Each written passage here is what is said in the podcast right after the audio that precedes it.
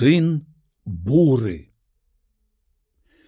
Узыходзіла прабіваючыся праз зімглу сонцам.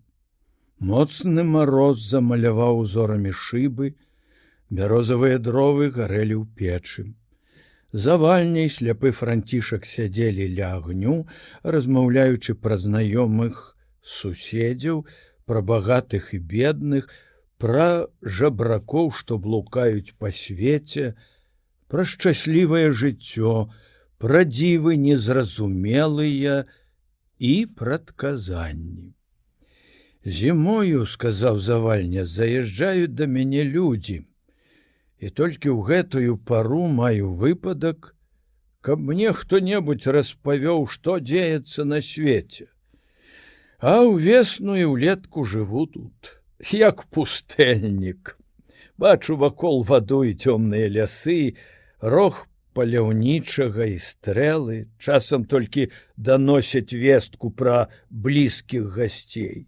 З лясоў выходзіць сюды на адпачынак з гуртамі лоўчых панічы гэтых краёў. Але ад іх не пачуеш такога, што магло б заняць думку. Іх размовы толькі пра сабак і коней. Я амаль усё сваё жыццё туляўся па свеце, сустракаў людзей з рознымі думкамі і пачуццямі. Я сляпы, таму не бачу іхніх твараў і постацяў. У маім уяўленні яны паўстаюць у выглядзе нейкіх страшных і дзіўных духаў. Размовы іх метусяцца ў маёй галаве, і нагадваюць, як рознымі шляхамі ў жыццёвым віры всемагутнасць Божая, вядзе нас да вечнасці, дзе мы чакаем адпачынку, уцехі і ўзнагароды.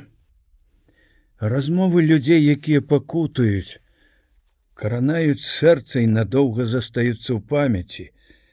І як сумна слухаць показкі, тых паноў, якія жывучы заўсёды сярод вясёлых забаваў, хочуць паказаць свой розум і іншых пацешыць.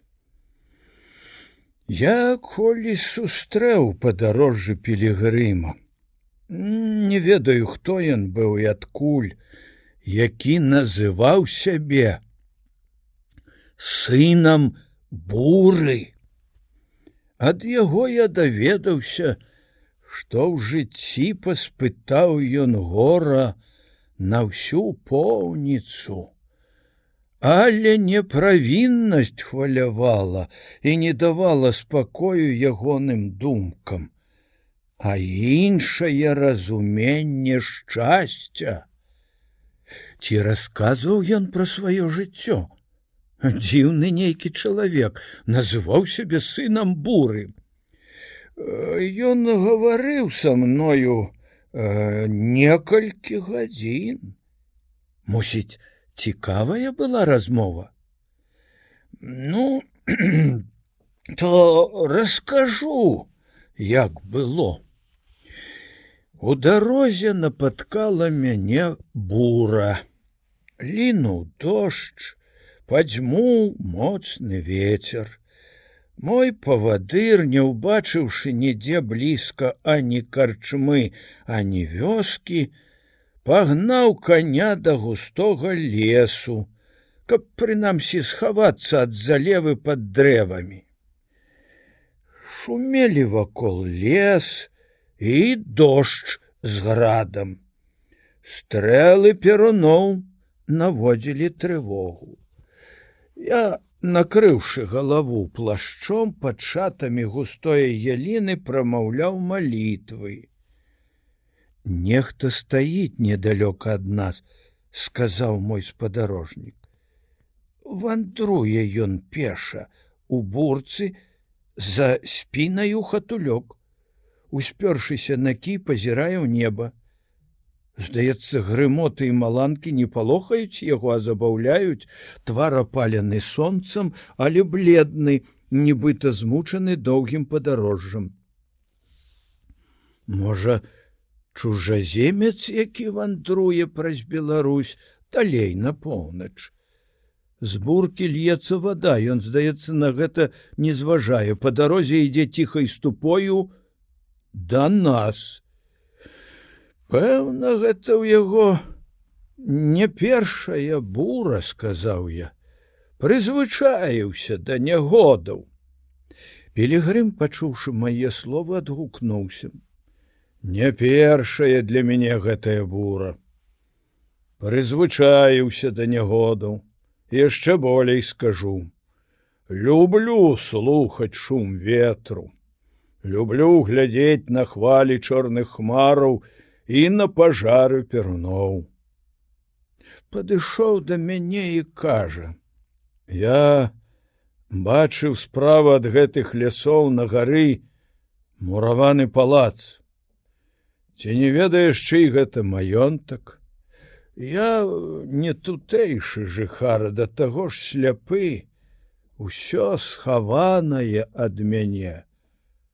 Сляпы. Жывеш на свеце, не бачыўшы свету. Маркотнае такое жыццё. Што ж рабіць? Бог паслаў гэтае няшчасце. Трэба цярпліва трываць.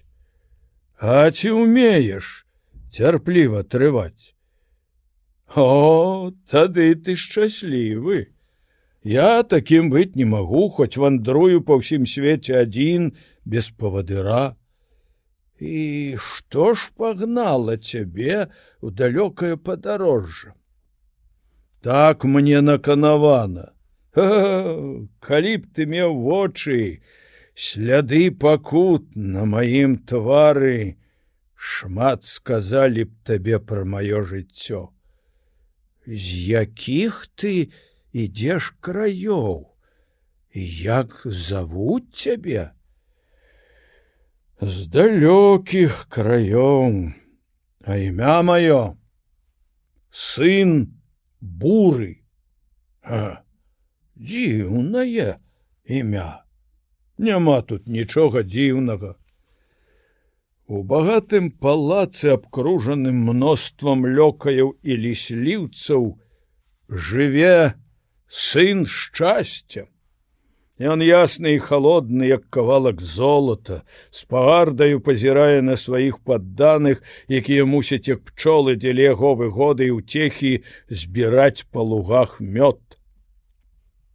У хаце под саламянаю страхою жыве сын цярпення. Для яго свет пакрыты суцэльнаю мглою. Ён усім сэрцам прывязаўся да таго кутка зямлі, які корміць яго і апранае. Я сын бацькоў гнаных бураю і неспакоем. Мой бацька не разарваў жалезных кайданаў, якія колькі год упіваліся ў яго руки і ногі. Несканчоныя слёзы і нараканні маці мае, калі быў яшчэ ў яе ўлонні, паўплывалі на ўсю маю натуру. Я нарадзіўся з пазнакаю няшчасця на чале. Ты падобны на тую плачку, сказаў я, пра якую чуў, што нядаўна з'яўлялася ў розных мясцінах, заломваючы руки, заліваючыся слязьмі. Чул ты, але не бачыў яе, бо не маеш вачэй. І тыя, хто яе бачылі, не зразумелі, і цяпер не ведаюць, хто яна і адкуль. Не зразумелі, сказаў ён, бо ніхто пра яе не думаў. Ох, як хутка прамінуў той час, калі я ведаў толькі палі гаі, якія акружалі ў богі дамок бацькоў маіх. Любіў самотна блукаць па гарах і лясах, кожнае дрэўца і красачка жывілі мае мары. О цудоўная багіня, Ты спаткала мяне ў той час у сукенцы вясёлкавых барваў і з кветкамі на галаве. З высокіх гор показала ты мне далёкі свет над якім пад аблокамі луналі орлы з таго часу гэты цудоўны малюнак заняў все мае думкі і жаданні вырашыў я высока далёка ляцець і пабачыць што дзеецца на свеце. Але Ах ты знікла з маіх вачэй і я блукаю паволі буры. І хто ж была тая багіня, пра якую ты ўзгадаў цяпер? Тая самая, якую ты называешь плачкаю. Дык ты яе ведаеш. Я наведаў далёкія краіны, сярод чужога народа яе тужлівы голас заўсёды гучаў у маіх вушах. Пераплываў моры, шумныя хвалі не маглі заглушыць яе журботнага спеву. Усюды яна была маёй адзінаю марай. Ну, вось ужо ветер разагнаў аблокі, бывайце да захаду сонца я буду далёка. Ён пайшоў, але яго дзіўнае імя і сумнае апавяданне так запаліў мае думкі, што колькі начэй, уяўляючы дзіўны характар гэтага чалавека, не мог я заснуць.